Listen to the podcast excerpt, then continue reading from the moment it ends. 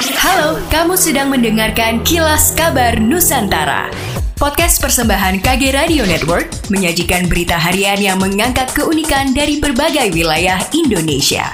Kilas Kabar Nusantara dapat juga didukung oleh pengiklan loh.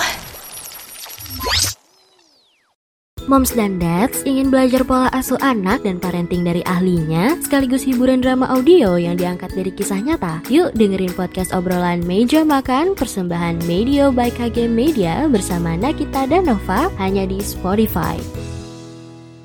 Pemerintah Kabupaten Goa mendorong peningkatan sektor peternakan dengan menggagas pengembang biakan sapi Wagyu. Kabupaten Goa diklaim menjadi satu-satunya daerah di Indonesia yang melakukan langkah tersebut. Implementasi program tersebut ditandai penandatanganan nota kesepahaman bersama PT Pertikari Livestock, Pusat Penelitian dan Pengembangan Sumber Daya Peternakan dan Hewan Tropika LPPM Unhas dan Balai Besar Inseminasi Buatan Singosari BBIBS. Penandatanganan berlangsung di Rumah Pemotongan Hewan RPH Kabupaten Goa, Sulawesi Selatan. Bupati Goa Adnan Purita Iksan mengatakan pengembangan sapi Wagyu merupakan program jangka panjang. Menurutnya selama ini daging Wagyu yang ada di Indonesia diimpor dari Jepang. Melalui kesepakatan ini, Goa bisa menjadi produksi Wagyu baru di tanah air. Apalagi Goa memiliki dataran tinggi dan rendah yang dinilai cocok untuk melakukan program tersebut. Sementara itu, Ditjen PKH Kementerian Pertanian RI Nasrullah mengapresiasi langkah pemerintah Kabupaten Goa yang berkomitmen melakukan pengembangan sapi Wagyu. Ia menuturkan langkah ini telah diserukan oleh Kementerian Pertanian sejak lama namun hanya Goa yang serius menindaklanjutinya. Ia mengaku apabila program tersebut telah berjalan, pihaknya akan mendorong pedagang maupun asosiasi untuk membeli produk dalam negeri. Pihaknya pun meminta agar BBIBS wajib memberikan bantuan sperma sapi Wagyu secara gratis kepada Kabupaten Goa sekaligus melatih pengelola inseminasi buatan di wilayah tersebut.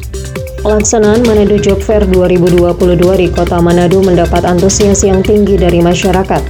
Paul Swalang, Kepala Dinas Tenaga Kerja Kota Manado mengatakan, Kegiatan ini telah direncanakan dan menjalin kerjasama dengan berbagai perusahaan sehingga mempermudah masyarakat dalam memperoleh pekerjaan, terutama di perusahaan-perusahaan yang terlibat dalam Manado Job Fair.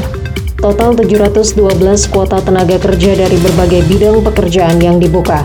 Paul berharap pelaksanaan Manado Job Fair dapat menjadi kesempatan yang baik bagi masyarakat maupun perusahaan untuk menemukan pekerja-pekerja handal di bidangnya.